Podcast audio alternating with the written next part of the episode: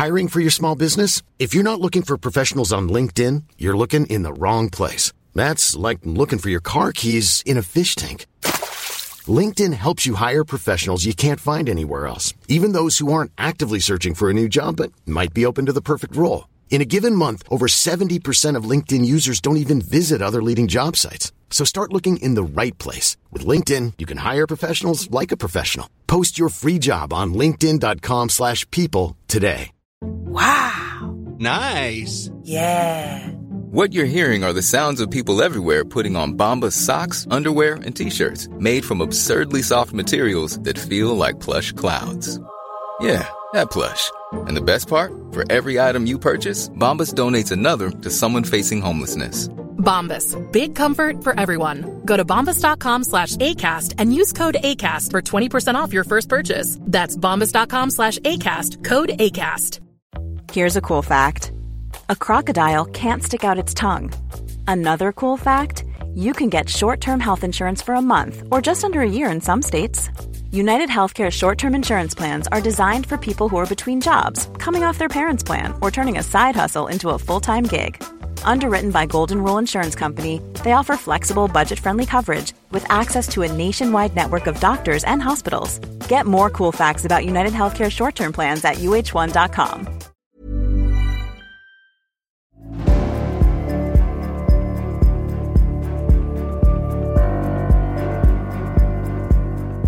Hej allihopa och välkomna tillbaks till podcasten Samtal för, ja det blir det andra avsnittet nu. Eh, det första, eller andra avsnittet sedan den här nystarten som vi kallar för Samtal om Ukraina. Den här veckan ska vi prata som vanligt igen då med Kenneth Gregg som har varit på en av världens farligaste platser och tillbringa helgen. Var har du varit Kenneth? När vi reste runt tillsammans med Jonas von Maten mm, i Bachmut och uppe vid Kreminna. Så väldigt, väldigt intressant resa. Och vad, vad föranledde resan? Vad hade ni för uppdrag den här gången?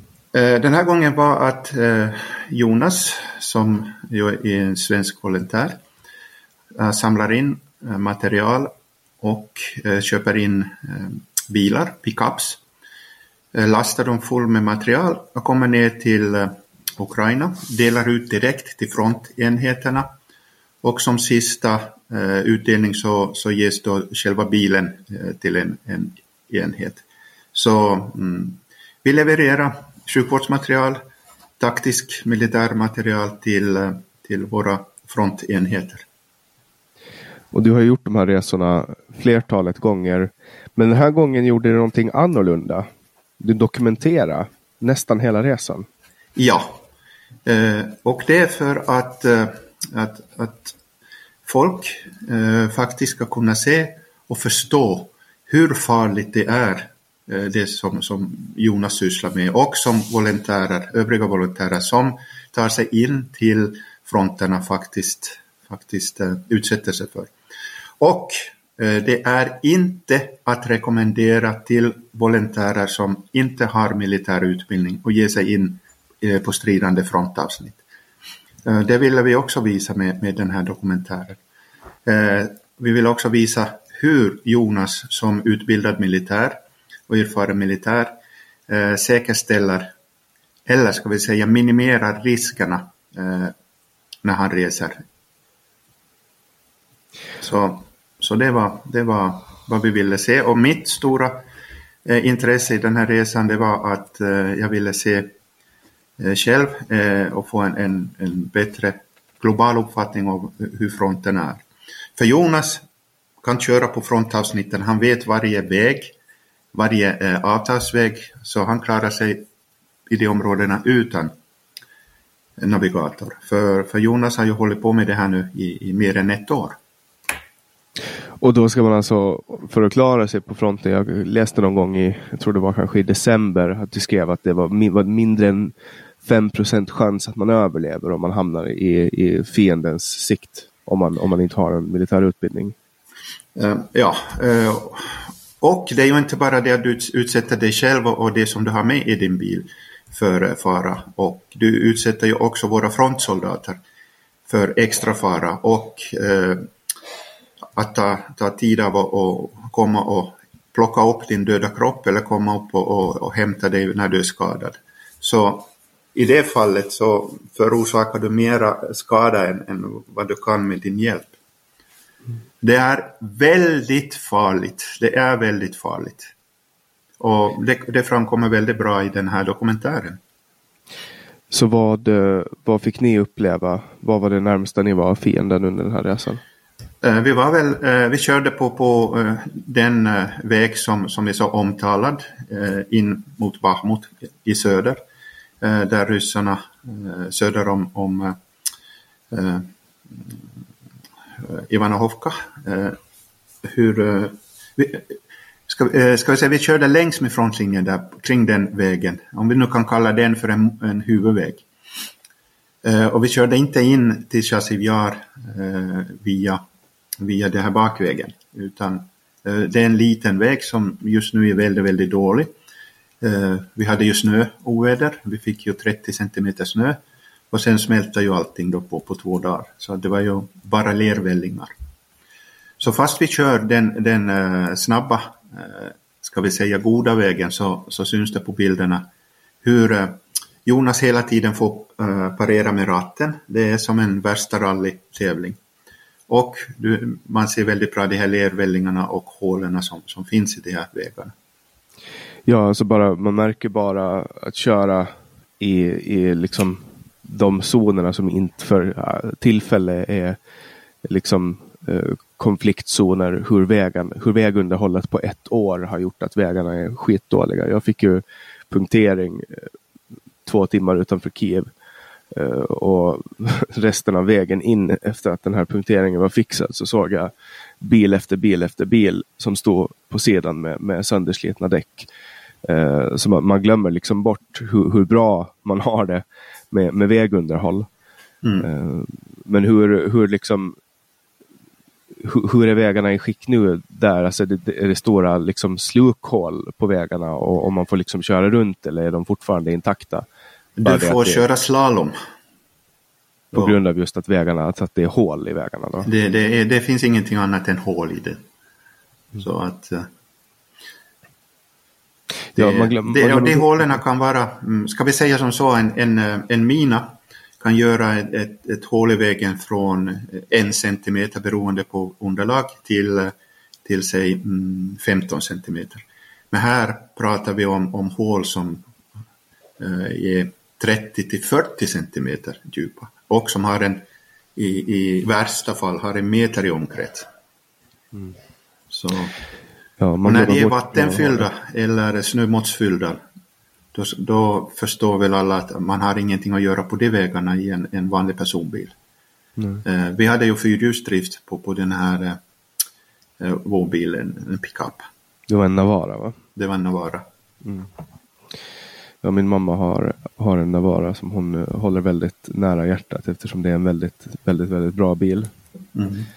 Um, Okej, okay, och nu släppte vi en film häromdagen. Uh, och i, den filmen så det är ju egentligen en, en uh, kort intervju som ni gjorde ute vid fronten. Där släppte vi också lite exklusivt material på en, uh, en detonation. Kan du berätta lite om den här detonationen? så, att, så ska vi också länka till den så ni som lyssnar hittar den här filmen då som jag pratar om hittar ni i beskrivningen eh, där mm. ni lyssnar på den här mm. podden. Berätta eh, lite om detonationen. För att alla ska förstå eh, vilken eh, taktik som vi just nu har i, eh, i Bahmut.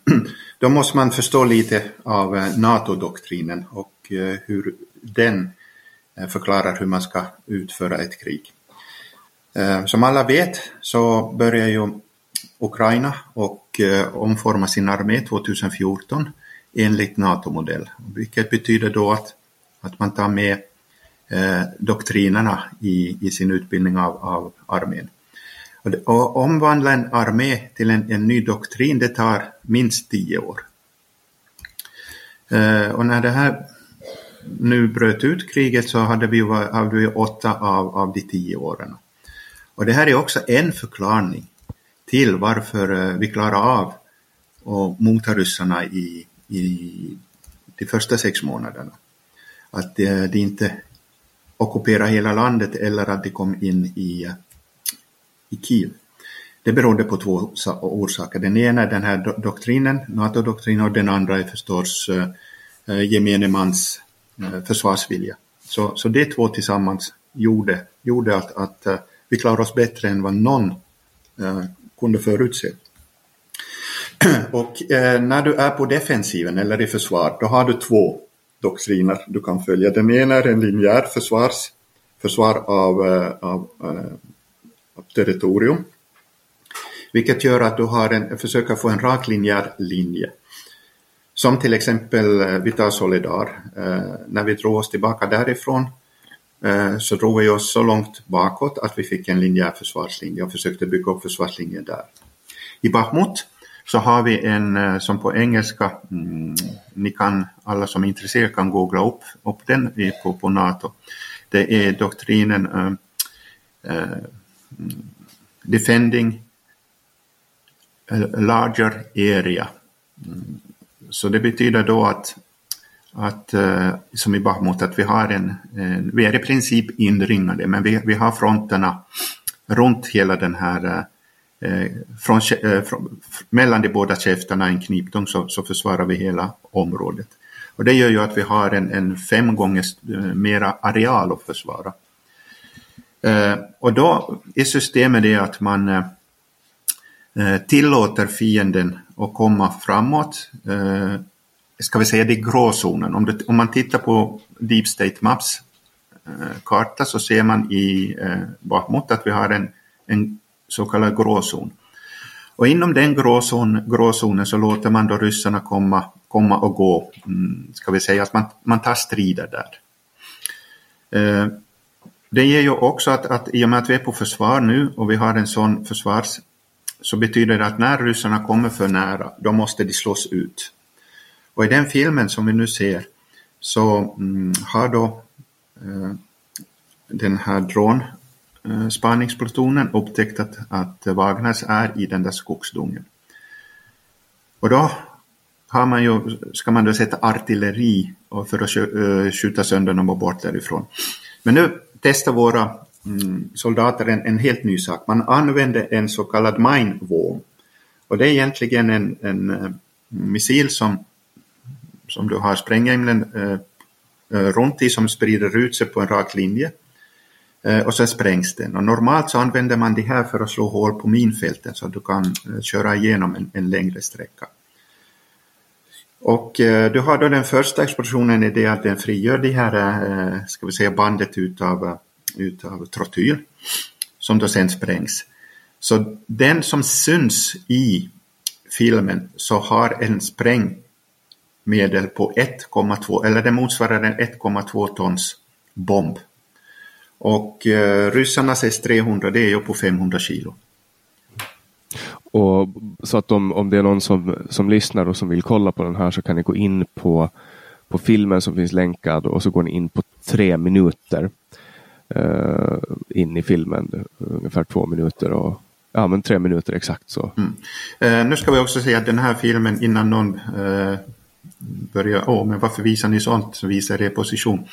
Eh, ja, eh, därför att man ser uppskjutningen också, men den har vi klippt bort. Så det enda vad vi ser där är just när eh, det, det smäller och hur rökmolnen utvecklar sig. Och den är dessutom publicerad med tillstånd utav armén. Och, och med, med, med, väl fördröjd så att det inte går... Ja, för ska vi visa var, varifrån vi skjuter upp raketen, för du ser hela uppskjutningen också, kan följa det med den, så avslöjar vi ju våra positioner. Mm. Uh, så det man ser på den här filmen då, det är ju, det är ju alltså att det är en, det är en ordentlig smäll. Uh, låg de alltså i de, ryssarna, alltså Wagnersoldaterna låg alltså i det här skogspartiet och, och, tryckte? Ja, det, det hade intagit det. Det var på kommande och det var med en stor, större styrka.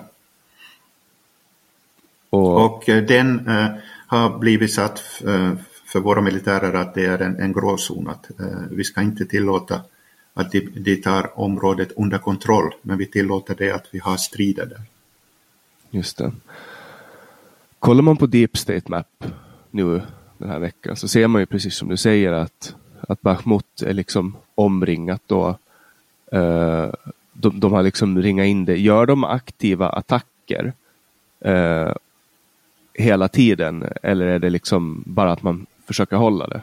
Nej, eh, det är aktiva attacker hela tiden från ryssarnas sida. Och, och eh, vi har just, eh, man kan bara ha en sån här försvarsdoktrin när man själv behärskar flankerna.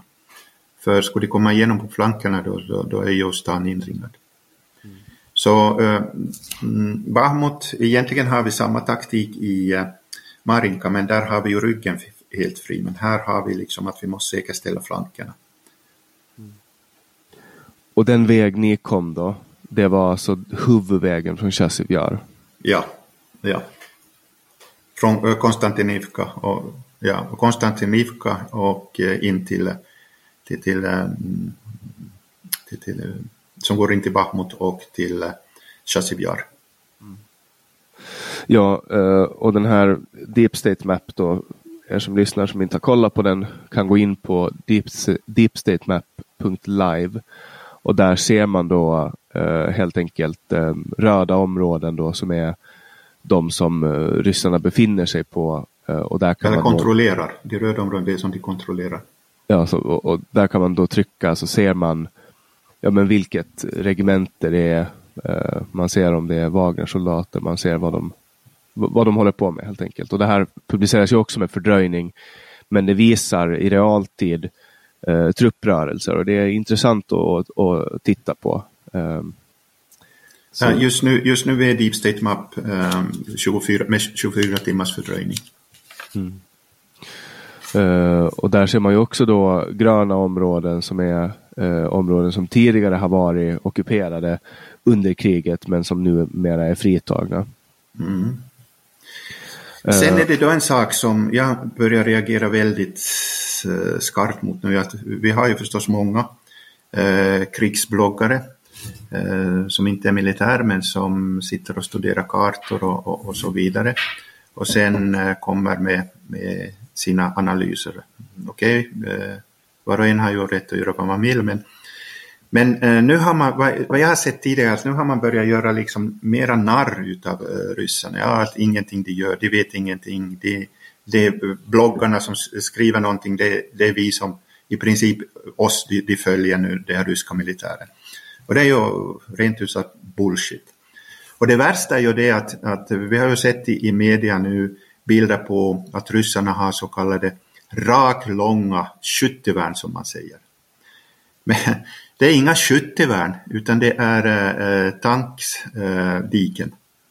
Eh, eh det, det, vi har också sådana. Runt hela Kramatorsk har vi sådana här raka linjer och det är det att, en, att eh, det ska eh, förhindra och, och göra det eh, svårare för pansarvagnar att gå över där och att, att man då sen har bättre tid med, med enlavs eller eller Carl-Gustav II och skjuta det i sank.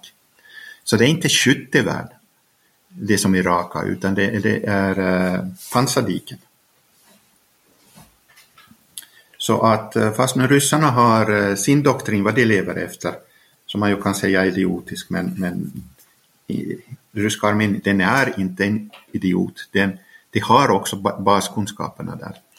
Och samma sak är det då eh, till exempel nu i vår, som vi, i den här podden som vi kommer att avslöja. Det är, är saker som vem som helst egentligen kan ta reda på. Nu kommer jag ju inte att berätta allt vad vi har sett och hört, för det finns ju saker som är, är och borde bli för hemliga. Men, eh, men att ryssarna skulle få någon nytta av eller att de skulle sitta och lusläsa eller lushöra vad vi säger, det, eh, det, det, är, det är andra världskrigs spekulationer. Efter att vi släppte eh, nyheten om att du numera skriver och gör material för Non grata så har jag fått lite uppmärksamhet på internet i form av personer som tar kontakt med mig som uppenbarligen inte finns på riktigt. Eh, jag har aldrig varit med om det innan men eh, jag tror att det på något sätt är sammankopplat till, till dig helt enkelt. Mm. Ja, men det är som sagt, eh, jag, har ju inte, jag är ju inte general och jag är inte heller i, i generalstaben eller ens i, i närheten av generalstaben utan Eh, men vi kan ta följande va? Eh, som inte har blivit berättat angående vår Harkiv, Harkiv-offensiv. Eh, mm, och det var ju det att soldaterna visste ju ingenting. Gruppledarna hade kanske en, en, en viss information vad som kommer att ske och vad de ska göra men själva soldaterna hade ju absolut ingenting. De visste ingenting. Plötsligt fick de bara order om att nu, nu attackerar vi. Och det var, ah, attackera vad då? Ah, nu åker vi. Och eh, det, eh, det, var, det föregicks ju då utav artilleribeskjutning och sånt och, eh, och våra trupper trängde ju sig väldigt snabbt igenom. Vad som skedde då är att i många byar, i, i många småstäder, så kom ryssarna med händerna över huvudet och, och gav sig. Och mm, eh, våra soldater visste vad, vad, vad fasingen, vad är det som sker? Eh, de stannar då. Eh, Okej, okay, ska vi gräva ner oss här i försvarsställningar här? De var där sex timmar så kom det framåt, framåt, framåt. Och det var först då de började förstå att vad i all sin dag, vi, vi är på, på frammarsch. Vi, vi har en offensiv. Många trodde väl att det var en övning också? Ja, många. Eh, I, i soldatnivå så, så förstod man ingenting vad som sker. Man var liksom och sen förstod man inte heller att eh, hur går det här så lätt? Ryssen springer. Eh, men vad, vad som, som, det som eh, gjorde det att, att det gick så lätt det var ju att ryssarna hamnade i panik. Mitt i allt så hade, de, hade många ryssar eh, ukrainarna i ryggen. I'm Sandra and I'm just the professional your small business was looking for. But you didn't hire me because you didn't use LinkedIn jobs. LinkedIn has professionals you can't find anywhere else, including those who aren't actively looking for a new job but might be open to the perfect role, like me. In a given month, over 70% of LinkedIn users don't visit other leading job sites. So if you're not looking on LinkedIn, you'll miss out on great candidates like Sandra. Start hiring professionals like a professional. Post your free job on linkedin.com/people today. Since 2013, Bombas has donated over 100 million socks, underwear and t-shirts to those facing homelessness. If we counted those on air, this ad would last over 1,157 days. But if we counted the time it takes to make a donation possible, it would take just a few clicks. Because every time you make a purchase, Bombas donates an item to someone who needs it. Go to bombas.com slash ACAST and use code ACAST for 20% off your first purchase. That's bombas.com slash ACAST, code ACAST.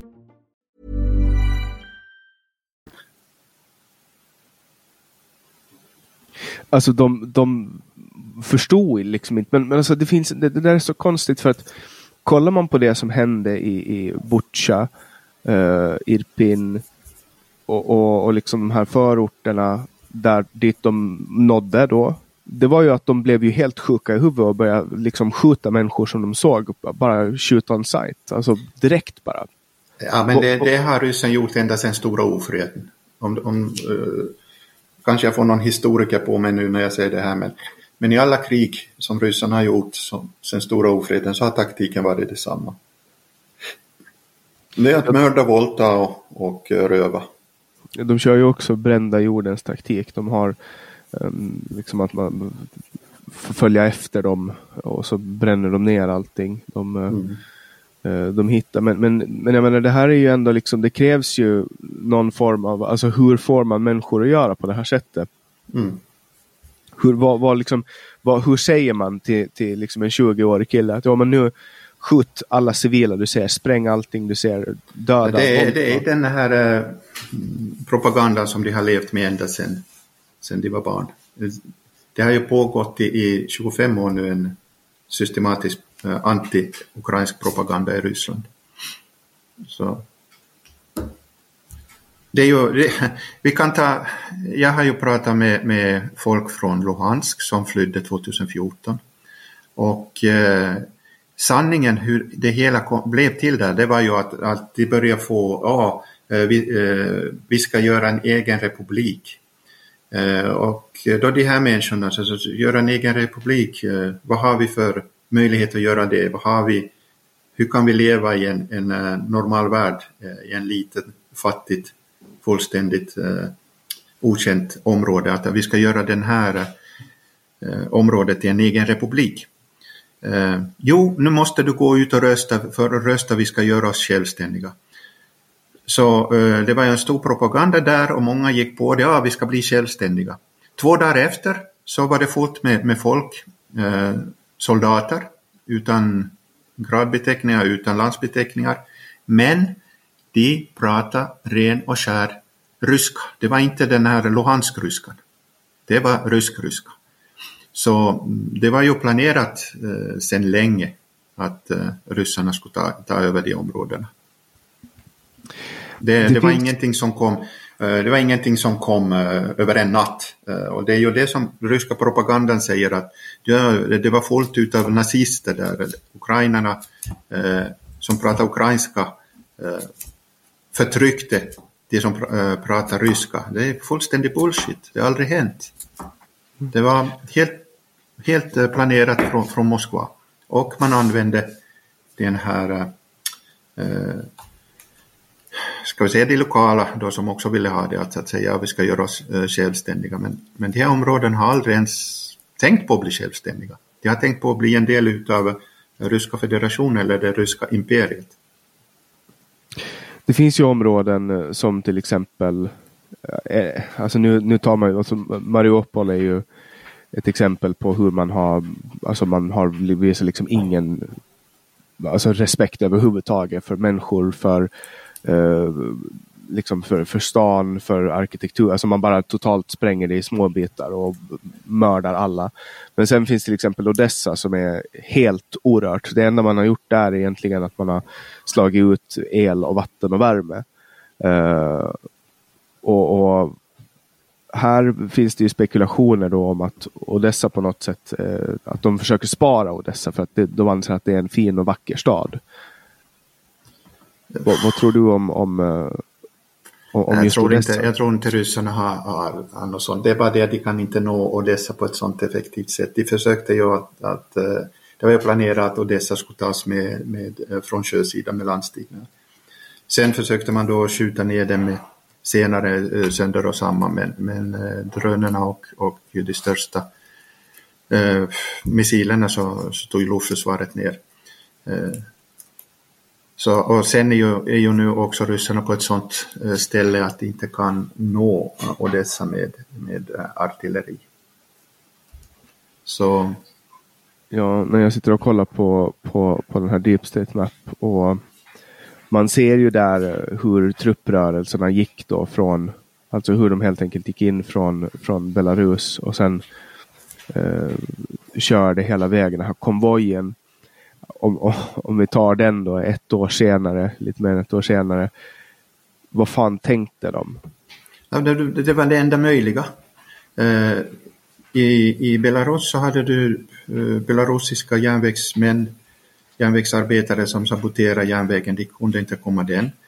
Eh, och alla visste ju även det att de inte kan köra på, på sidan av vägen. Då fastnar de, precis som de, när de försökte göra det, det också gjorde. Så enda möjliga var vägen. Det var den enda du kunde eh, komma på. Och sen då att, att du eh, inte har eh, koordinering på den, att du har eh, tankbilar i, lite här och där, pansarvagnar lite här och där. Så det betyder att när, när en får ett stopp, då stoppar ju hela konvojen upp det finns ju alltså logistikproblem som man behöver inte gå mer än i tredje, fjärde klass i grundskolan för att förstå att att skicka det här antalet fordon i en rak konvoj, det, det, är liksom det är problematiskt. Ja, men det är den ryska doktrinen. Det, eh, det, som, det som gjorde det följde den ryska doktrinen. Och den är ju toppstyrd. Och eh, nu när du tog upp det här så kommer vi då till ett riktigt äh, äh, ska vi säga, en dagsämne och det är då vår offensiv. Och det spekuleras ju ideligen var kommer vi att sätta in den. Och, eh, eh jag kommer nog säga sånt som, som varje rysk militärstrateg redan vet, så de får ingenting nytt ut, utav det här. Men när du går på en offensiv, då är det eh, två saker som du måste försöka uppnå. Det ena är att du har vägar som du kan eh, ta dig fram på, som du får fram underhållet. Och eh, du måste eh, is isolera eh, fienden så att de inte kan ta dig i, i flankerna. Eh, I princip så måste du försöka komma så att du är fienden i ryggen. Då får du panik och då får vi, en samma, då får vi samma fenomen som det vi hade i Harkiv. Och nu är ju många som säger åh, att Melitopol, Eh, dit måste ni gå, ni har fin vägar att gå dit. Ja, det har vi. Men eh, ryssarna har inga problem att flytta eh, folk från eh, Donetskområdet och där. Eh, för de, de får ju in sin, eh, de får ju in sin eh, underhåll därifrån. Och då har vi flankarna, då är vi i, i re, the real shit om vi har dem i, i flankerna, att vi har dem på, på tre olika håll. Då är det vi som är inringade. Så eh, enligt min åsikt så uppfyller den här eh, Zaporizjzja Melitopol inte de eh, krav man ska ha på en, en storoffensiv. För storoffensiven måste ju vara att vi går på knockout. För eh, vi har inte resurser, väst har inte resurser att få det här kriget att dröja sig. Så, eh, mm, så det som jag ser eh, egentligen var vi borde gå, det är uppe i, i det norr om Kreminna. Eh, och det är det att eh, av flera orsaker som jag ser det. Nummer ett är det att det är där ryssarna försöker eh, anfalla. Det är i, i offensiv, eh, offensiv läge där, vilket gör att de inte är beredda på ordentligt eh, defensivt. Eh, vi kan slå oss igenom där enkelt vi anser använda 20 stycken av, av den bomben som ni såg i, i filmen. Just sprängt hål i det och eh, pansar kan köra rakt igenom. Och då har vi dem i ryggen. Och då kommer det att bli den här eh, mm, paniken. Vägarna, eh, vi har raka fina vägar in i det här området från, från ukrainsk sida och vi har eh, vägarna på bakryssarnas ryssarnas linjer. Och då är det enkelt för oss att vända söderut. Och, och då är vi ren, eh, då är vi ju ren ryssarna i ryggen. Och vi har eh, bra vägar för att, gå in i, i fortsätta få in underhållet. Eh, det här har vi inte i Melitopol. Det här har vi inte heller i, i söder. Vi har ju Dnepro till ta oss över. Det tar mycket längre tid att bygga upp en, en övergångsställe och sen eh, vidga eh, den brohuvudet. Eh, så som jag ser det så är det här det enda stället vi, vi kan gå på. Och målet är då att kasta ut varenda rysse från, från Ukrains territorium, utgår jag ifrån. Uh, ja, ja, första målet är det att, att uh, vi ska få ryssarna att börja dra sig tillbaka och, uh, och börja sträcka vapen. För du vet, problemet som vi hade i, Hark, i, i Lyman när vi intog Lyman och i Izum, det var ju det att våra trupper, det var ju så jäkla mycket pansar och, och artilleri och, och övrig material. Så att, att eh, vi var tvungna att stanna och, och vakta det. Innan vi fick, eh, innan vi fick organiserat eh, att våra depåer började hämta upp det här. Och det fördröjde ju också, fördröjde ju också ännu framgång, framåt marschen mot, mot Kreminna. För de facto var vi ju bara två och en halv kilometer från Kreminna. Målet med en sån här offensiv då, om man inte har volymen, antar jag att det är på något sätt att förstöra deras supply lines så att inte de kan ge mera mat, vapen, förnödenheter till de soldater som befinner sig i Ukraina. Har, har jag rätt där? Jag, ja, har... ja det, det är helt enkelt det att vi ska få uh, panik. Uh, paniken är vår största vän i det här, om den uh, börjar sprida sig bland ryssarna. Att de inte vet eh, vi är, ba, vi, är, vi är dem i ryggen. Vi börjar driva, vi har gått eh, in eh, österut eh, kring Kremina och vänder neråt. Eh, då, är, då skärs ju, då skärs ju den här, deras supply lines från, från, från öst, alltså från Luhansk, skärs ju av och då har de ju bara Donetsk att komma in där. Men samtidigt, eh, samtidigt också, när vi har gjort det här, då kan vi liksom göra andra vågen eh, mot Melito, Melitopol. Och eh, då, har, då är ju ryssarna emellan oss. Och vi har vägar att gå fram på för att få in underhållet. kan de på något sätt nyttja de här naturresurserna nu eller är det bara, bara att de står där och, och liksom håller det? Eh, problemet med, med, för dem nu är ju, är ju den här logistiken. Just nu så har de inga resurser på att gå på, på attack. Det enda stället där de attackerar är i, i Bahmut, Advika och Voledar. Och vad har de uppnått där? Egentligen ingenting. Eh, annat än att, än att de förlorar stora mängder eh, människomaterial. Okej, vi gör det också. Vi gör det också. Men, eh, men vi är beredda att betala priset. Så det, det är alltid skulle kunna gå vidare mot Kramatorsk, Slovensk, eh, komma in i Zaporozhia, nej, nej det har eh, de inte.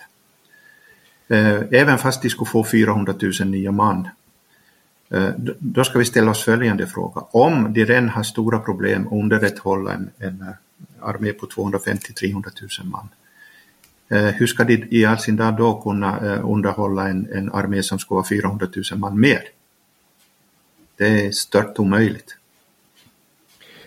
Alltså frontlinjen är ju ganska lång nu. Och uppe i norr till exempel. Vad är det som, vad är det som gör att de... Alltså för här hålls ju... Den hålls ju ganska stadigt. Det händer inte så mycket där. Nej, därför att eh, de, har, eh, de har ju inga resurser eh, att komma från norr och de har heller inga resurser att komma från Belarus. Det, det, finns inte. Det, krig är egentligen en, en, en fråga om matematik.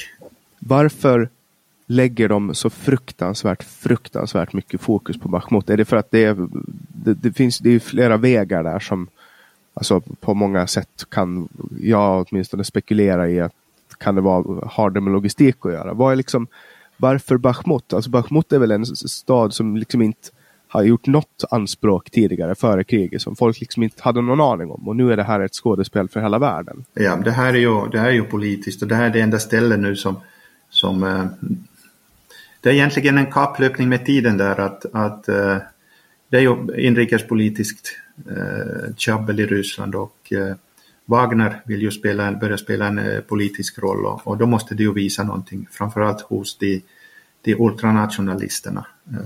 De ultranationalistiska eh, krigsvloggarna. Mm. Så, så vägar, ska du använda vägar ska du gå runt Bahmut. Du ska gå runt Advika. Och, och, gå den vägen om du vill ha vägar. Då skulle det, göra, då skulle det liksom vara någon logik i det hela. De har bara bestämt sig för att nej, men vi ska ha Bachmut och nu spelar det ingen roll, ta det bara. Mm. Ja. Eh, det, det spekulerades i media om att, att man på något sätt då i Ryssland har utfärdat en order om att senast den 31 mars så ska Bachmut vara intaget. Uh, och nu idag när vi spelar in det här så läste jag någonstans att uh, Wagner menar att man nu har juridisk kontroll över Bachmut. vad, fan, vad, vad, vad, de, vad menar de?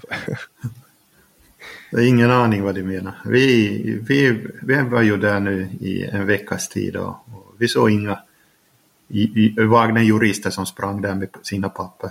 Du fick inga, du fick inga visa någon, någon pass då till någon Wagner-jurist? ja. ja, de, de, låt de syssla med vad de vill. Vi, vi måste syssla och koncentrera oss på, på vad vi ska göra. Och, eh. Det verkar ju inte som att, um, som att de som bestämmer i Ryssland vet egentligen vad som händer på riktigt. Nej, nära de veta någonting där. Det... Men problemet är ju det att, att eh, poli, politikerna och armén, eh, de som är ute i frontlinjerna, de, de, de är inte på samma våglängd. Vi kunde läsa söndagens nyheter om ett, det som de i Ryssland då kallar för ett terrordåd. En kvinna har gått in på ett café i Sankt Petersburg och sprängt en militärbloggare, Vladen Tatarski. Och mm. Det var 32 personer då, civila, som främst då som skadades i den här explosionen. Eh, vad, vad tänker du om det här? Det här är alltså ett, ett terrordåd inne i Ryssland. Ja, det börjar ju, det börjar ju, nu börjar, sanningen börjar komma fram i vad som sker i Ukraina. Eh, och det här är bara början på vad vi kommer att se. Eh, man, det är aktivister där nu som, som är beredda att offra sitt liv för att, för att försöka rädda Ryssland från katastrof. Eh, hur, hur det nu blir i framtiden med det, hur många modiga det finns, vet man inte. Eh, men åtminstone kan vi säga det att det räcker inte, det hjälper ju inte Putin precis. Nej, och här har vi då en kvinna i 25-årsåldern, eh, 20-årsåldern, som, som då har, hon har tidigare gripits för att ha deltagit då i antikrigsmöten. Det är ju förbjudet i Ryssland att protestera mot krig. Eh, och, och, nu har hon då gått fram till den här militärbloggaren och eh, gett honom någon form av staty som såg ut som honom som sen då har exploderat.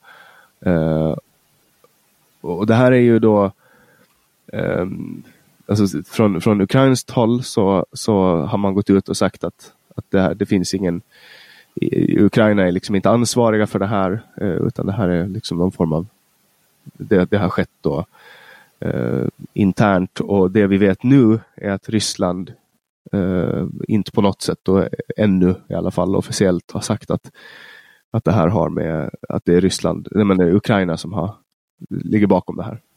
Nej men det, det är folk eh, i Ryssland, vi har ju också eh, här i Ukraina på hemmafronten har vi ju haft ett stort problem med kyrkan.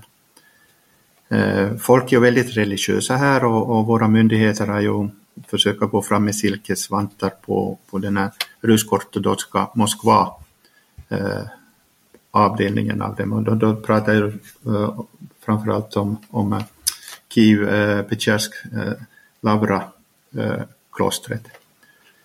Eh, där då högsta chefen eller, eller vad det nu heter i den kyrkan går omkring med en 40 000 euros klocka på handleden, kör eh, Mercedes bilar och, och sen tar de inträde av fattiga människor som vill komma in och, och utöva sin religion, säg 70 grinja. För det är alltså överhuvudtaget komma in och 70 grinja för en fattig, fattig mm, människa, det är ju det är stora pengar. Plus att de sen säljer eh, ljusen i kyrkan till, till eh, dubbelprisen vad som säljs i, i den ukrainska mm, ortodoxa kyrkan. Ja, för där är alltså den, den officiella ortodoxa kyrkan före kriget styrs ju då av Moskva. Eh, ja, vi har ju haft flera år nu en delad. Den ukrainska ortodoxa kyrkan tillhör ju Konstantinopel och inte Moskva. Och eh, nu är det ju så att, att eh, högsta chefen i Moskva då, eh, Krill, han eh, har ju som, han ber ju för eh, att, att ukrainarna ska bli utrotade. Eh, och eh, de används ju, de här kyrkorna här nu, de används ju som, som spioncenter. Det, det har blivit så många gånger, eh, så många gånger eh, bevisat. Det här blir ett dilemma då för, Det här blir ett dilemma för, för den som bara vill utöva sin tro. Uh, och som kanske har gått då i kyrkan uh, ända sedan de var barn och har en stark tradition. Liksom. Och helt plötsligt så, så finns den här konflikten mellan uh, gå till kyrkan och göra det man tror att är rätt eller inte gå till kyrkan och, och, och, och liksom göra någonting för landet. Och då blir det ju en konflikt mellan landet och, och tron, liksom nationalism kontra tro. Nej, men vi har ju, vi har ju den samma tron, men, men uh, varför måste man gå till en, en kyrka som uh, öppet uh, understöder den, den Moskva-trogna? nu har ju då staten beslagtagit den här, i och med att det, det, den har ju från början varit ukrainsk, det här klostret. Och de bara så egentligen eh, kyrkan där så skulle ju eh, ukrainska eh, prästen präster fortsätta och, och predika i. Och det är ju ändå samma tro. Att, och den har ju nu mera, mera mm, opolitiserad ukrainska ortodoxa kyrkan än vad, vad rysk-ortodoxa har. Men alltså har man alltså beslagtagit då rysk-ortodoxa kyrkor? Ja, och man, man, äh, man gav ju munkarna där en, en månads tid på sig att, att äh, flytta ut. Och det vägrar man ju. Nu, nu har man ställt till stort spektakel. Så man har ju kallat in, eh, mm, man har ju kallat in, mm, man har ju kallat in de här folk för att demonstrera för, för de här prästerna nu. Sen uppstår ju spontant motdemonstration, motdemonstrationer. Och det här har spridit sig nu, minns jag inte vilken ort det var där, där de här prästerna inne i kyrkan attackerade en, en soldat. Alltså var det fysiskt? Ja. Men med vad, vad då? Med, med Sparka ner honom och, och börja slå honom för flera personer där. Och det fick ju då en, en reaktion hos eh, befolkningen i den, den orten att de, de började ju komma dit och protestera att, att uh, vad är det här? Och nu har ju mot den prästen då uh, lyfts uh, misshandelsåtal. Ja, alltså man ska inte underskatta det ukrainska folket när det kommer till att starta uppror. Om man tar Majdan som exempel. Jag såg den här dokumentären på Netflix om, om Majdan. Har du, har du sett den? Ja då, ja då. Den är riktigt, riktigt bra. Alltså där får man verkligen en, en inblick i hur, hur det här startade. Och det är så fruktansvärt våldsamt. Men vilken, vilken vilja, alltså den här, den här viljan att kämpa som finns i, i den ukrainska folksjälen. Det, den drar starka, starka, starka eh, liknelser, eller man kan dra starka liknelser till Finland. Ja, och då, då, förstår du det var att, att eh, när vi har en halv miljon soldater som sen kommer hem från fronten, de kommer aldrig att låta eh, den här eh, den tidigare korruptionen att fortsätta. Då, då har vi, då har vi en, en ny Majdan och, vi, och då, blir den, då blir den tuff. Mm. Det, då nöjer man sig inte bara med att och demonstrera utan då, då, tar, man, då tar man över. Mm. Och om vi ska ägna några ord då åt Supreme Commander Mr President Zelensky. Hur, eh, hur ska du eh, ska säga, betygsätta hans roll som överbefälhavare för Ukrainas väpnade styrkor. Eh, när vi pratar om Zelensky då, då, ska vi ta i beaktande eh, vissa saker. Det är ju det att, att eh, han är egentligen den första demokratiskt, helt demokratiskt valda president Eh, som, som inte alls var i det här, eh, den politiska eliten. Eh, han måste ju ha en otroligt press på sig. Han måste vara sliten, han måste vara, vara psykiskt eh, trött. Att eh, kunna ställa sig upp och liksom bli en landsfader för hela landet. Även för oppositionen.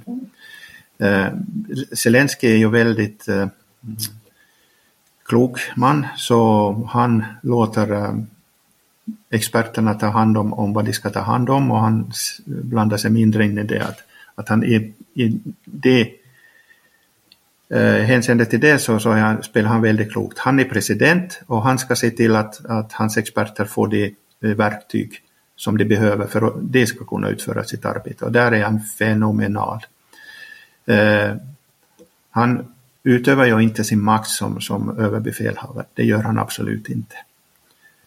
För han har ju alltså, alltså hans, alltså den på, det där påverkar eh, eh, det påverkar mig djupt. Det han gör, det arbete han gör. Och, eh, och, och då ska man också liksom beakta att alla som blir påverkade utomlands blir påverkade på ett helt annat sätt av, av sättet han, han arbetar. Tänk då för de som liksom kämpar med vapen i, för Ukraina. Alltså den moral som han sprider eh, genom sitt agerande.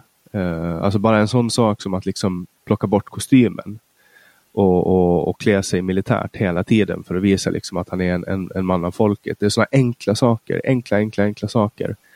Eh, alltså, han har, han, han, alltså hans avtryck på den här världen, jag, jag hoppas att han fortsätter hålla det, det, den linje han har gjort nu därför att han är alltså hur märker du när, när, du är ute, när, när du var ute i strid, hur, hur, hur hans eh, internetnärvaro påverkar moralen? Mm. I Sverige säger man ju för kung och fosterland. Eh, här säger våra soldater och vi för, för Zelensky och fosterlandet. Så då, då kan du dra din slutsats för vad, vad de anser om sin president. Mm. Hur uppfattas motstånd mot Zelensky? Ehm, alltså, det finns ju eh, de som är, kritiska till honom och säger ja, han, han, han är också korrupt. Men, men det är ju den här, det är ju den här politiska, eh, ska vi säga, i politiskt, eh, på toppolitisk nivå, där har man ju, där har man ju eh, begravt eh, stridsyxan politiskt ända tills kriget är borta. Och det var ju det var på, på förslag av oppositionen. Det vill säga okej, okay, nu, nu ingen kritik av presidenten, nu är vi i krig, nu tar vi paus i den och, och fortsätter det politiska tjabblet efter kriget. Så där ska också oppositionen ha e-, eloge för, för sin inställning till fosterlandet. Det är också Så, det normalläget i krig är ju att man helt enkelt gör en samlingsregering. Man omformar regeringen, men det behövdes ju kanske inte i det här fallet då om oppositionen och, och, och regeringen kommer överens. Nej, det, det, finns egentligen inget tjabbel i, i parlamentet nu så som det var före utan det, det kommer eh, genomtänkta förslag och eh, den behandlas i, i normal ordning och i normalt är det till, till fullständig enhet som, som det godkänns. Hur kommer valet? Kommer det att förrättas som vanligt trots att det är krig eller kommer man att skjuta? Det tror jag. Det tror jag det kommer att göras. Det, det är ett år eh, till nästa val va? Ja. Men som sagt, jag tror ju att, att kriget eh, i praktiken är, är, är slut till, till midsommar. Och i praktiken då, då innebär det alltså att att, att eh, efter det, det så övertar det politiska, politiska eh, men att vapnen tystnar. Ja, och, och, och det här, vi pratade lite om det förra gången, det här med, med att ge ifrån sig land. Det som finns kvar då av Ukrainas befolkning på de, i de landområden som nu är ockuperade av Ryssland. Vad, vad, hur är livet där? Vad finns det där nu? Jag vet inte, jag har, jag har inte uh, varit där och, och, sett på det men uh, det är nu som uh, folk som, som är därifrån och som ännu har anhöriga där så, så säger jag att det är, det är som under Sovjetunionen, alltså under tiden vid Sovjet. Fattigt, ingen framtid, man är tvungen att vara på sin, sin plats. Och man måste prata ryska antar jag? Eh, jag vet inte, jag vet faktiskt inte för, för det kommer ingen stor information därifrån. Det enda informationen jag har fått är från, från de vänner som, som är därifrån och som, som har kontakt med sina anhöriga. Många, många av, av de har också brutit helt eh, kontakten till, till anhöriga för eh, de lever ju i den tron att, att uh, det är nazister här. Ja, det är märkligt hur, hur de lyckas lura en så stor befolkning. Men, men eh, det, det är den som kontrollerar informationen kontrollerar världen. Så är det. Så är det. Och de har ju åtminstone Ryssland som de kan kontrollera och det är ju stort, stort nog för att ådra sig den makten. Men man pratar ju om att den här kärnvapenarsenalen som eh, Ryssland eller ska vi säga Sovjet har byggt upp. Eh, att, att stor del av den inte fungerar då på grund av att det måste underhållas. Det finns ju en form av decay, eh, förruttnelse, eller vad säger man på, på svenska, men sönderfall. Mm. Och, och att många av de här uh, stridsspetsarna inte fungerar helt enkelt på grund av att man inte har underhåll. Ja, fast, fast de har de här stridsspetsarna men de har inga carriers. Det är det som, som glöms bort i det hela. Att du måste ha någonting att skjuta upp dem ifrån också. Fartygen, uh, flygplan eller du måste ha, ha de här uh, avfyrningsramper. Ja, de har ju ira irakiska mopeder har de ju. Ja, men de irakiska mopederna, det är 90 procent av de som kommer så, så skjuts ju ner. det var du som berättade för mig om dem från början. Och det, är en, det är de här drönarna som har typ Suzuki PV-motorer som kommer i 80 kilometer i timmen och låter mm. som mopeder. Ja. Och nu har ju folk lärt sig hur, hur de ska skjuta, så när de kommer så tar folk sina vapen och skjuter ner dem. Men det som, det som var väldigt eh som jag eh, upptäckte när vi var... Det, det smällde ju i, i den byn som vi övernattade i. Eh, fast vi var, var lite längre bort från fronten. Alltså i Chassidiar? Eller Kramatorsk? Nej, vi var i, det mellan, äh, mellan Konstantinka och, och Kramatorsk. Men det sände ju varje natt, kom det ju några raketer in, in i den byn också. Men jag själv ah, öppna ögon, ah, det, det var långt borta, ingen, or, ingen orsak till panik och somna om direkt.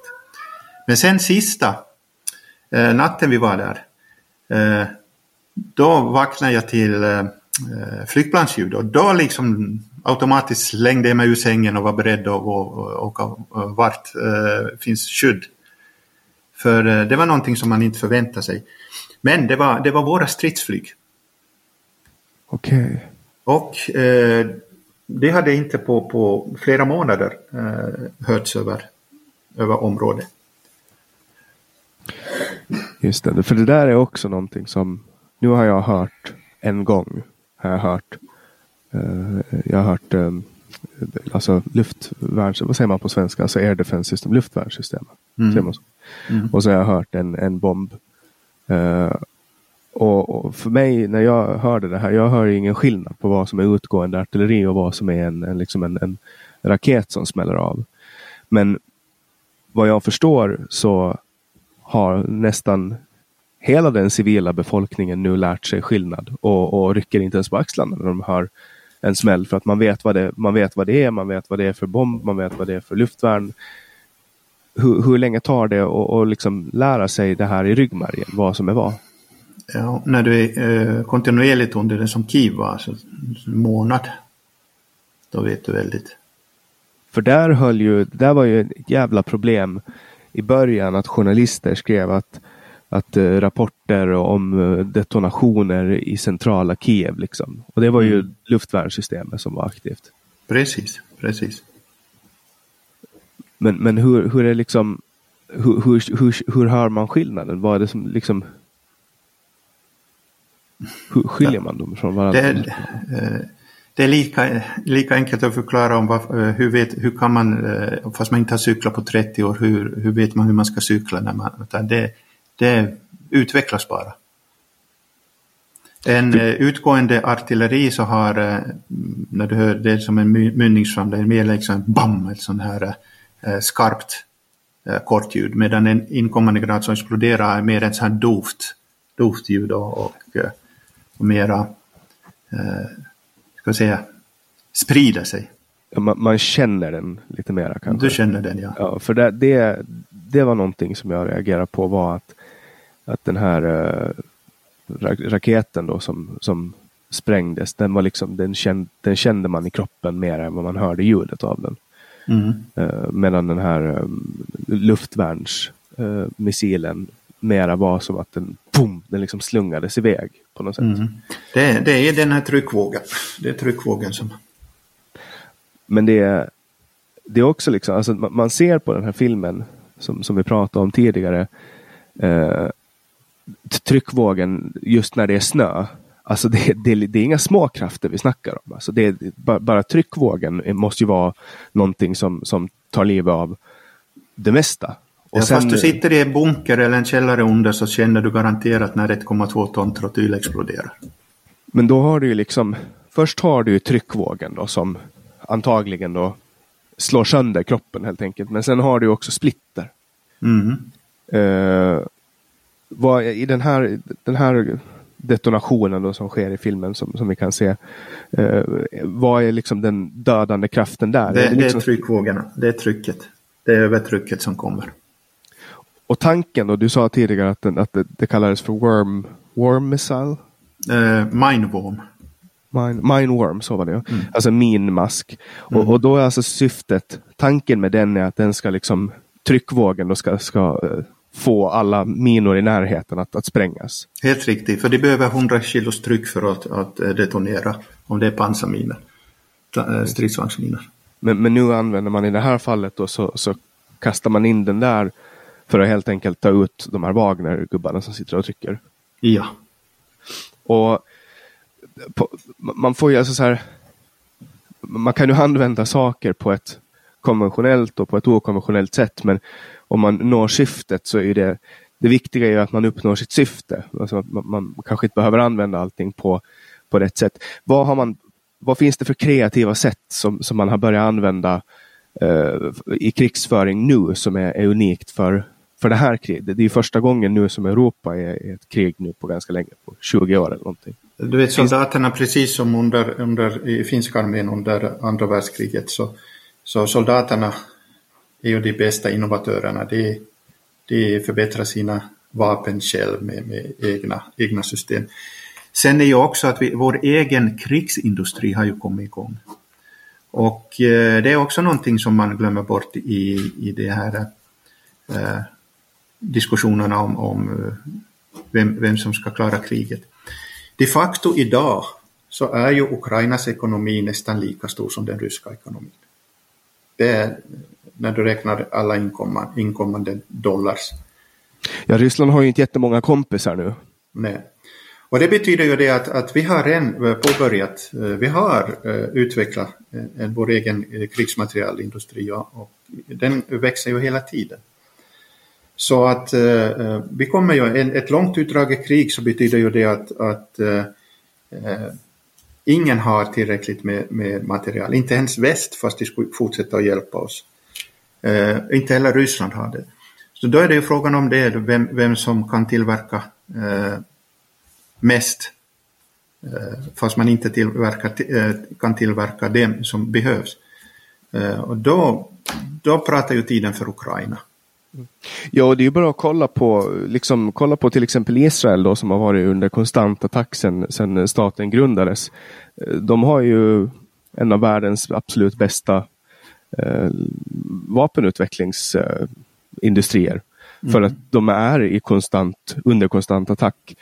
Uh, och kollar man på hur kreativiteten flödar, alltså Molotov cocktail. Nu var ju inte det någonting som var egentligen nytt om man säger så. Men, men uh, Molotov cocktail kommer ju alltså från att finska soldater blandade ihop dem själv och, och liksom kastade ner dem i, i sovjetiska stridsvagnar. Mm. Mm. Uh, och det där är liksom uh, ett sätt att nyttja de resurser som finns, uh, hitta svagheter och, och, nyttja dem. nu har man ju haft ganska goda möjligheter då att, att reverse engineera och titta på ryska stridsvagnar mer än vad man någonsin haft. Man har ju haft jävligt bra tillgång till de här maskinerna eftersom det har kommit in ett ganska stort antal. Uh, Ukraina har väl snarare öka antalet stridsvagnar i besittning än minska under det här kriget? Ja, vi, Ryssland har varit den största bidragsgivaren till, till tanks. Så när man, när man då tar en sån här tank, rebrandar man den och, och liksom använder den eller slaktar man den och, och, och liksom säljer och köper nya grejer? Hur gör man? Eh, det, det som är mest, eh, ska vi säga oskadda, det putsas upp och, och vi lägger lite extra, eh, extra elektronik i det för att, eh, som, vi, som vi får leverera av, av våra väst. Ni lägger någon elektronik? Det är vi, lägger, vi, lägger, vi lägger, ja, vi förbättrar det där. Sen är det eh, bortskjutna torn, det samlar vi upp och de kan faktiskt an användas. Vilka då sa du? Eh, tornen. Du, vet, du har ju sett när, när en, en T72 exploderar så flyger ju tornet tiotals meter upp i luften och landar ju långt bort från själva vraket. Eh, det använder vi, det använder vi väldeliga. Så att eh, vi använder det och vi, vi tar eh, det material som, som finns i, i, i vraken så samlas in och, och, och återanvänds. Mm. Och jag har ju tatuerat in en, en T72 på armen. Eh, nu är det ju inte den som jag tatuerar utan det är snarare den ukrainska traktorn som drar den. Mm. Men uh, det är ganska många. Ja, det är hundratals. Att möta en sån här stridsvagn med, med de stridsvagnar man har, vad, hur, hur är liksom om du har en, en skicklig chaufför, om du har en skicklig besättning, då ska det inte göra någon skillnad om du har en hypermodern eh, Leopard eller om du har en, en gammal sovjetisk T72. Det är, det är hur du, du kan använda din, eh, ditt material, ditt verktyg. Jag menar en hockeyspelare, eh, om du tar Jaromir Jagr, han spelar ju ännu med, med träklubba. Eh, medan de andra spelar med, med väldigt lätta, lätta och nytt material. Men ändå, ändå spelar ju han väldigt bra. Så det största, största orsaken till att du klarar det, det är ju hur, eh, hur professionell besättningen är på den här tanken. Det, det, det är min åsikt i alla fall. Eh, sen när du möter en T72 på vägen, det, första som du slås av är att hur, fasin, hur liten den är, sist och slutligen. Det är inga stora monster. Hur låter de då? Är det dieselknack eller? Ja, det är dieselknack. Då är det ju den här uh, den ryska motorn som ju låter mer än, än vad den ger effekt. Mm. Och sen är det förstås ljudet, för, ljudet på det här uh, ljudet på, på, på larvfötterna mot uh, asfalten eller mot hårt underlag. Mm. Sen är ju allt, de väger ju inte mer än 50 ton. De flesta av dem. Så sist och slutligen är det ju inte så, så kolossal. Varför är Leopard så fruktansvärt bra? Varför är det de som alla vill ha? Det är ju utrustningen i den, vad du kan göra med den. Det är som en dator. Du, vad kan du göra med en tio års gammal dator uh, jämfört med en, en av idag? Det är ju att du kan använda, använda den nya till, till mera saker än, än bara en. Men då ska man ju kunna, man ska ju ha erfarenhet. Alltså om man jämför med de som har haft dem då i tio år och öva liksom. Alltså en besättning som har hållit på att öva i tio år. De kommer ju att kunna operera den här stridsvagnen på ett helt annat sätt än, än ukrainska soldater som har fått liksom en fyra månaders intensivutbildning. Ja och nej. Mm, därför att motivationen till att lära sig nu hos ukrainarna det, det är stor. Det är så stor. För det man behöver göra det är att man behöver ju lära någon som kan lära flera. Alltså ja. man behöver ju utbilda utbildare. Och det, det pågår ju. Det pågår ju. Hur kan inte det här ses som en aktiv stridshandling? Att lära folk hur man spränger ryssar i västerländska tanks. Nu är vi på den politiska sidan och där är jag, där är jag inte alls expert. Det, det måste politikerna säga. Nu i Finland har godkänts då av Turkiet.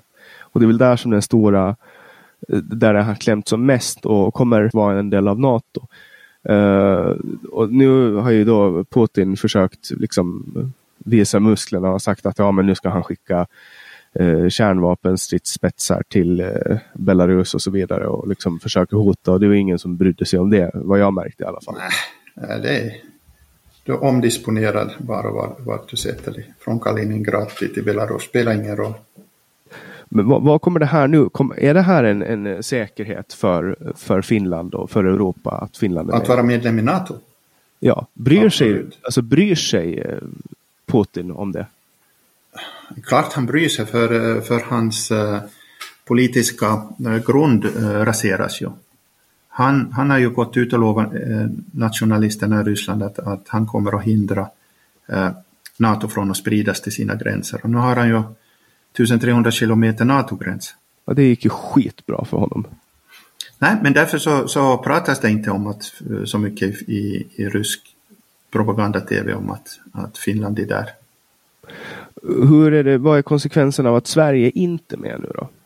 Eh, det är ju för Sverige är det ju katastrof. På vilket sätt? Det är ju inte så att de kan, alltså, han har ju lite vatten han kan gå in i men han kan ju, han, Nej, han har ju inte svenskt vatten. Vatten har aldrig hindrat missiler från att komma, komma och flyga. Nej men så är det ju, men, men eh, vad, vad ska de göra? Inta Visby liksom? Nej, det kan, det kan ju slå ut, jag menar det är ju terror som de, de vill ha i, i sprida. Så att, att artikel 5 gäller ju inte Sverige om, om, det blir, uh, om det skulle bli ett tredje världskrig. Det gäller ju inte Sverige då. Nu har ju Sverige förstås i praktiken mm, så har ju Sverige eh, avtal med USA och, eh, England om, om att försvara Sverige tills, eh, tills Sverige är medlem i NATO.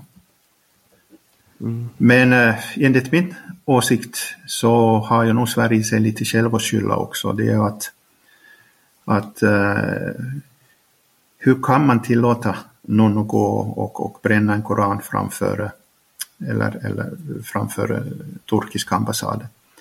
Det är ju inte, det är ju inte yttrandefrihet, men man, man säger ja, men vi har yttrandefrihet. Vi har en lag som går över yttrandefriheten och det är lagen om rikets säkerhet. Så jag menar det skulle ha varit så väldigt enkelt att, att avstyra den.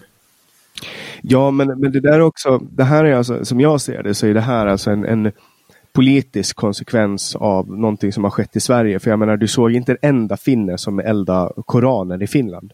Nej, men de var ju på väg att elda, eh, eh, var det flaggan eller en docka utav, utav eh, Erdogan, Erdogan. Och polisen gjorde ju helt rätt, de gick ju in och avvärjde det med, med, med hänvisande det till att det, säkerhets, det är en säkerhetsrisk. Exakt, det var liksom inga konstigheter. Det, det, där är finsk, det är typiskt finsk polis. Alltså du vet, om du åker till Helsingfors så ser du liksom ridande poliser som åker runt och bara sitter på hästar i uniform.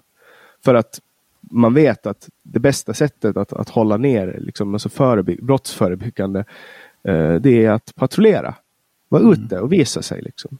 I Sverige... Så... nu, vi, nu, finns det ju stora problem med, med gängkriminaliteten i Helsingfors också. Det ska vi inte sticka under stol med. Men, men det här är ju en, en sak som uh, berör rikets säkerhet.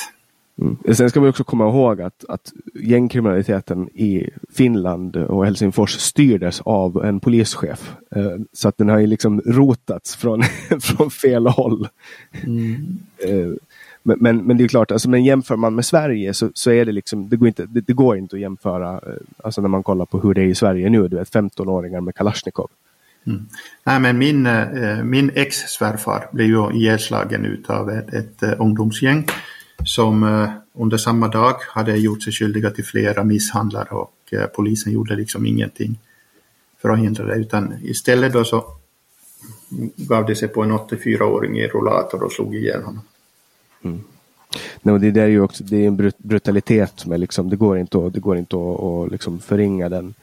Uh, men jämför man liksom utvecklingen i Sverige och Finland så finns det en, alltså polisen i Finland har mera, det, det är lite mera man, jag tror att det har att göra med att det på något sätt är lite militärt. Alltså polisen i Finland är, är det är liksom en halvmilitär. Eh, det finns liksom militärt tänk snarare än vad det finns. I Sverige så är ju det en, alltså polisen är en servicemyndighet. Mm. Ja men i Finland är ju det att eh, direkt någonting mm, riktar sig mot rikets säkerhet, då agerar poliserna väldigt starkt. Men sen med det övriga då är man lika velig som i Sverige. Mm.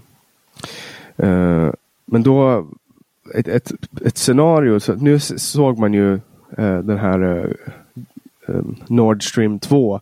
Det skedde ju, det var ju ut, det var mellan svenskt och danskt vatten. Eh, mm. på internationellt vatten. Eh, Biden var extremt tydlig i början på det här kriget att nu, nu stryper ni liksom den här gastillförseln annars kommer gastillförseln att strypas. Och sen så gick det hål på, på Nord Stream. Tror du att det var USA som smällde hål på den? Ja.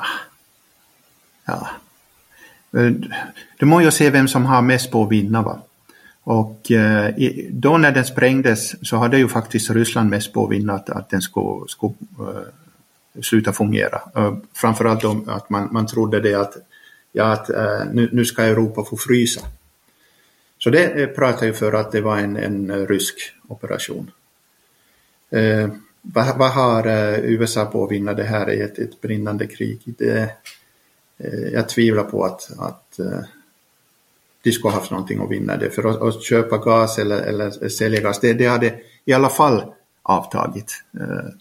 Ja, men att som, som den här, det finns ju en, en dokumentär när Macron ringde Putin eh, dagarna precis före kriget och eh, precis efter kriget har börjat. Och där var ju liksom, ser man, eh, de filmar ju liksom alla de här toppdiplomaterna och det är EU-toppmöten hit och dit och det enda tyskarna håller på med är att de vill köpa gas. Liksom. De har ju mm. byggt upp och varit, det här är alltså tredje kriget de startar om man ska vara lite, om man ska vara lite cynisk. Um, alltså, de, de har totalt varit beroende av rysk gas. Uh, och, och, nu fick man liksom klippa navelsträngen på ett ganska hårt sätt. Och det får ju vi veta nu, vi som bor i Sverige i alla fall och, och, och har en, en, elräkning som överstiger fantasisummor. Liksom.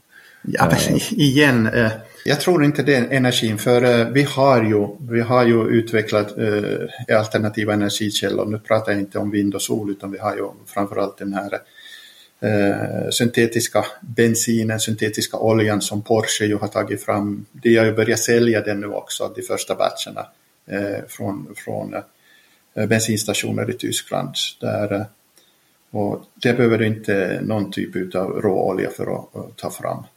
Eh, och du kan använda eh, bensinmotor, du kan använda dieselmotor just med den här. Sen har vi då för, för stor energi så har ju den här supercritical CO2 både som energibärare och energigivare har ju utvecklats otroligt. Den slår ju på långa vägar ut kärnkraften. Jag menar, vi har haft energi, det är inte det, utan det är vad tyskarna mer har, det är de investeringarna de har gjort i, i, i det här Ryssland som, som kanslern ville skydda. Det, det var en, energin var, spelade minsta roll. Det, det är liksom det är en myt att det var det.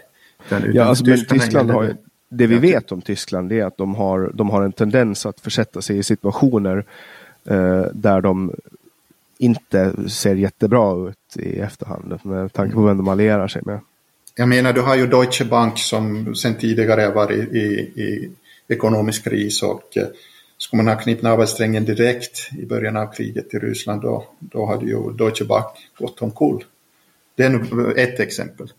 Och när de går omkull då, mm, då, har, du har ju inte den här depositionsskyddet i Tyskland som vi har i, i, i Norden. Eh, det har ju bara till en viss del. Så det hade ju blivit, eh, det hade blivit upplopp i Tyskland. Så att, att det är mera den, den, rikt, den riktigt ekonomiska delen, det är inte den här energidelen. Och vi ser hur snabbt i alla fall tyskarna har eh, övergått från, från uh, rysk gas nu mera över till uh, norsk och, och uh, amerikansk.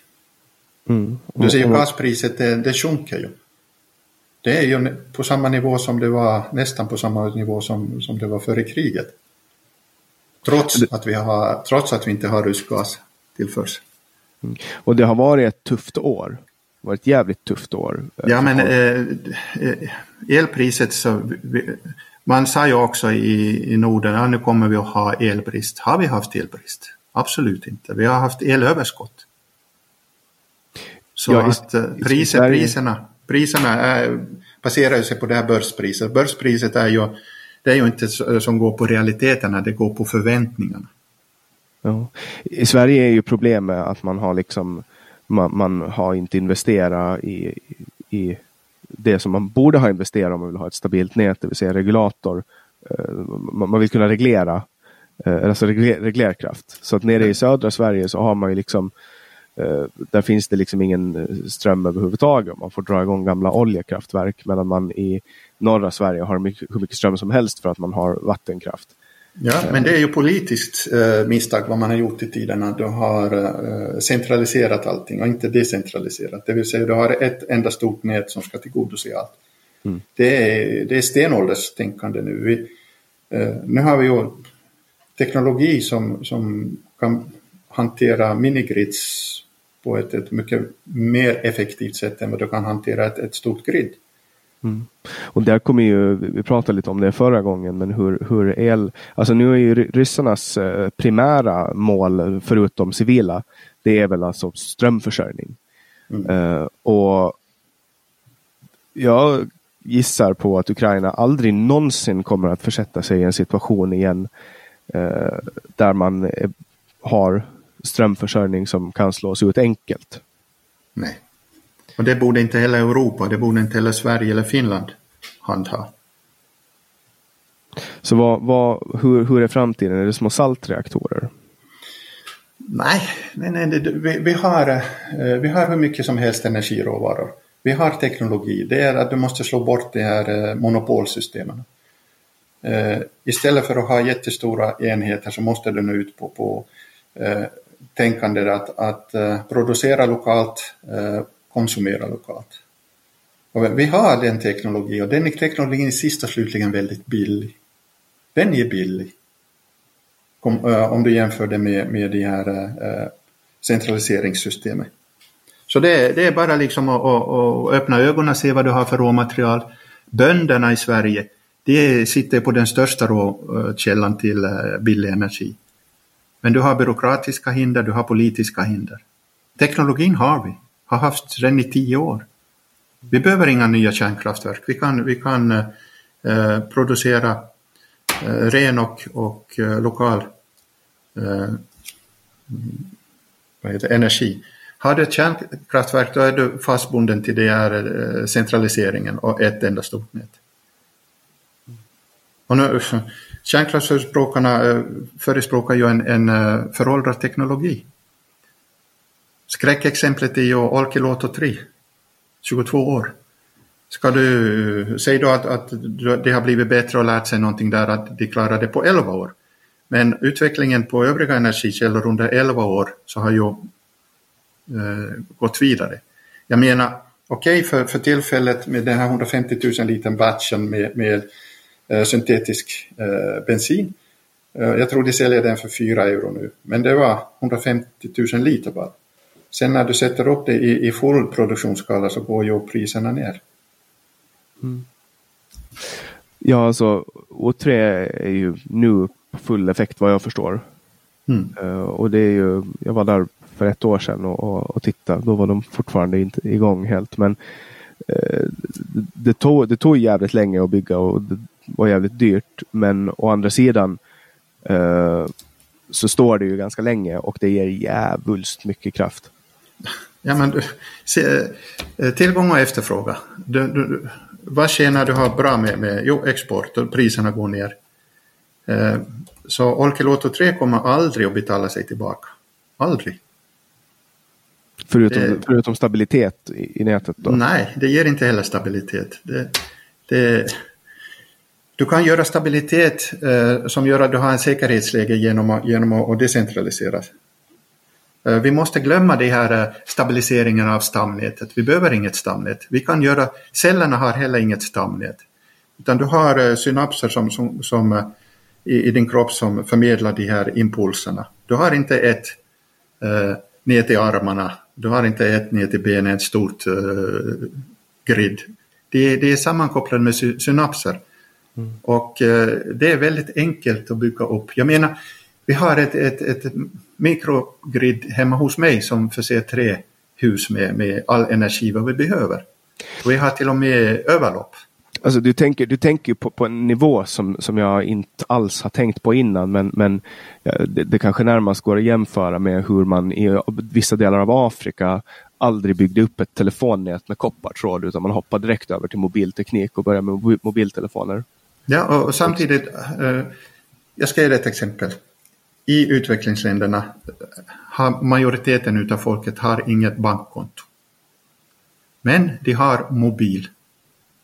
Så har du mobil har du bank, men du behöver inget, inget uh, så kallat bankkonto. De använder Western Union och, och så vidare eller? Nej, du har ju de här olika, uh, olika um, elektroniska plattformarna. Så i, i princip är ju banksystemet uh, totalt onödigt idag. Mm. Har jag telefon och, och, och eh, connection så då kan jag köpa saker. Jag menar, eh, även här i, i eh, frontlinjerna så kan du betala med mobiltelefon. Ja, allt som inte är innanför det europeiska eh, i alla fall. Där du har liksom, du vet i Sverige så du, du kan inte använda kontanter och, och, så fort du vill göra någonting med dina pengar så måste du fylla i blanketter och berätta för någon, oklart vem, vad du ska mm. göra och varför. Mm. Uh, och det är också någonting som jag tror att kanske inte är jättefantastiskt men kanske behövs i Ukraina. Jag vet inte om Ukraina går med i EU.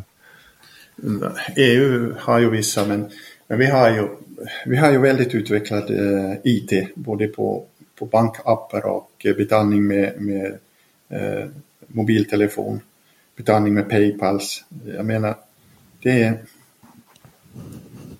Banksystemet är igen eh, en föråldrad institution, sist och slutligen. Likaledes ja, alltså den, är den hålls ju, ja, de, de hålls ju föråldrad för att staten, staterna vill ha kontroll över det. Ja, det gör det. Eh, men eh, en dag så tar det slut. Mm. Men hur ja. tror du att, eh, att korruptionssituationen i Ukraina kan förändras av, av ett EU-inträde efter kriget? Ja, det här kriget. EU jag menar, EU-inträdet tar säkert inte bort det, utan det som tar bort korruptionen just nu, det är ju, det är ju det här, vår industri som har varit ägd utav uh, oligarker som aldrig har investerat en krona, utan kört, kört på det gamla. De försvinner, vilket gör att, att efter kriget får vi ju hjälp att bygga upp, vi får en så kallad Marshallhjälp, bygga upp vår industri på nytt. Den kommer att bli ny, modern och konkurrenskraftig och då är ju oligarkerna borta. Likaledes har vi inom, inom energisektorn. Det är, det, eh, det är vad som kommer att ske här. Jag menar, Finland efter att vi hade betalat eh, krigsskadeståndet till Sovjetunionen så hade vi ju ingenting utan vi byggde upp en ny industri från grunden som var effektiv, som var modern, vilket gjorde att, att uh, finska industrin uh, kallades ett underbarn.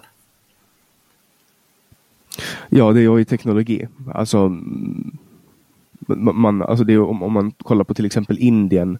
De reglerar jättehårt massa olika marknader men de ansåg inte att IT eller mobiltelefoni var intressant eftersom det var så litet. Och det var ju där som Indiens största ekonomiska tillväxt kom. Mm. Uh, just det som inte reglerades.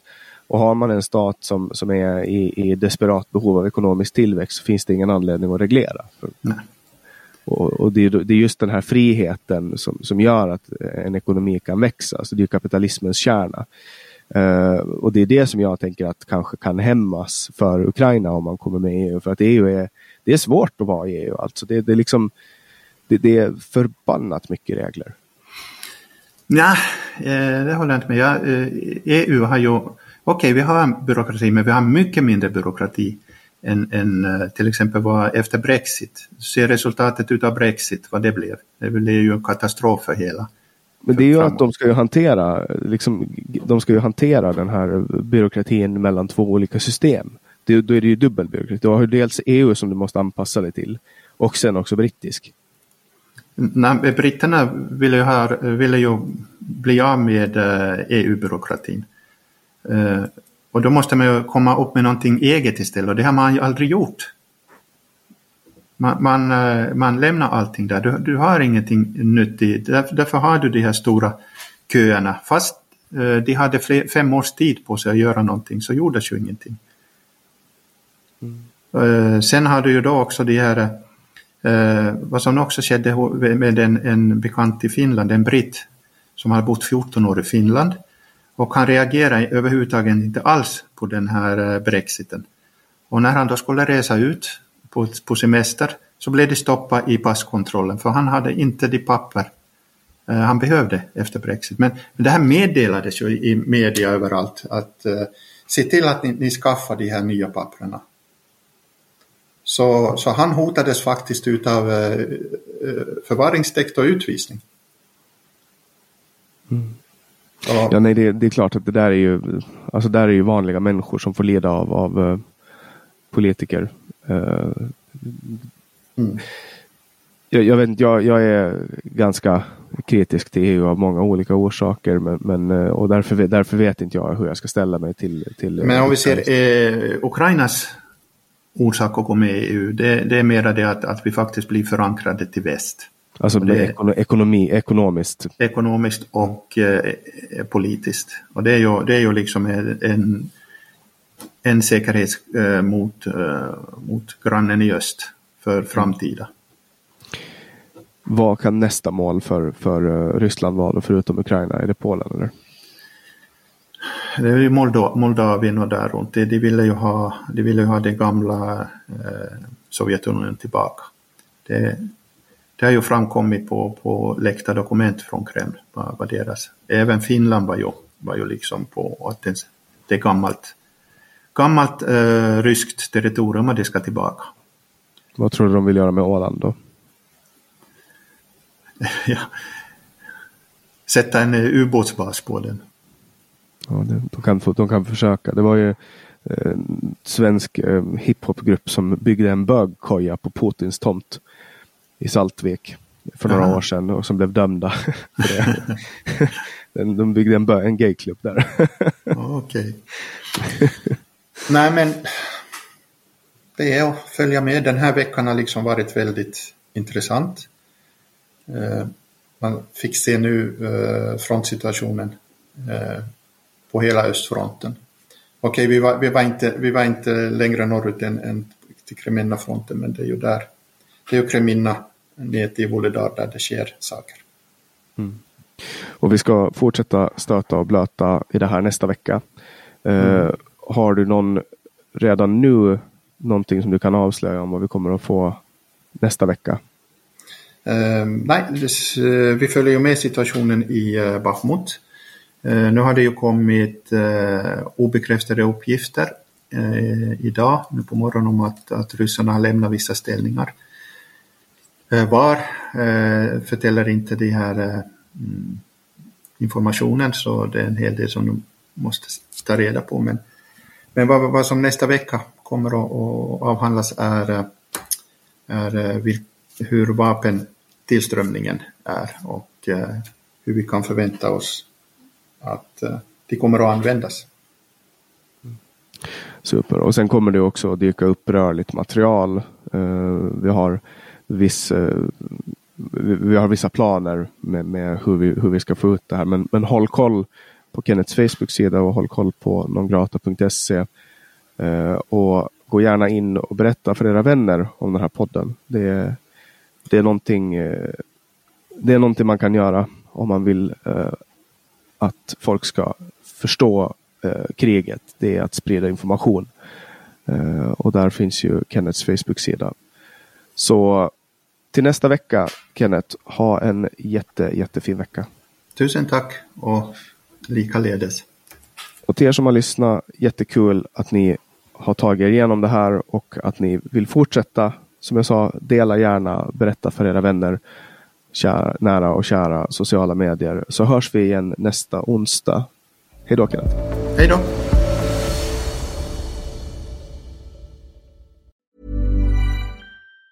Even on a budget, quality is non-negotiable. That's why Quince is the place to score high-end essentials at 50 to 80% less than similar brands. Get your hands on buttery soft cashmere sweaters from just 60 bucks, Italian leather jackets, and so much more. And the best part about Quince, they exclusively partner with factories committed to safe, ethical, and responsible manufacturing. Elevate your style without the elevated price tag with Quince. Go to quince.com slash upgrade for free shipping and 365-day returns.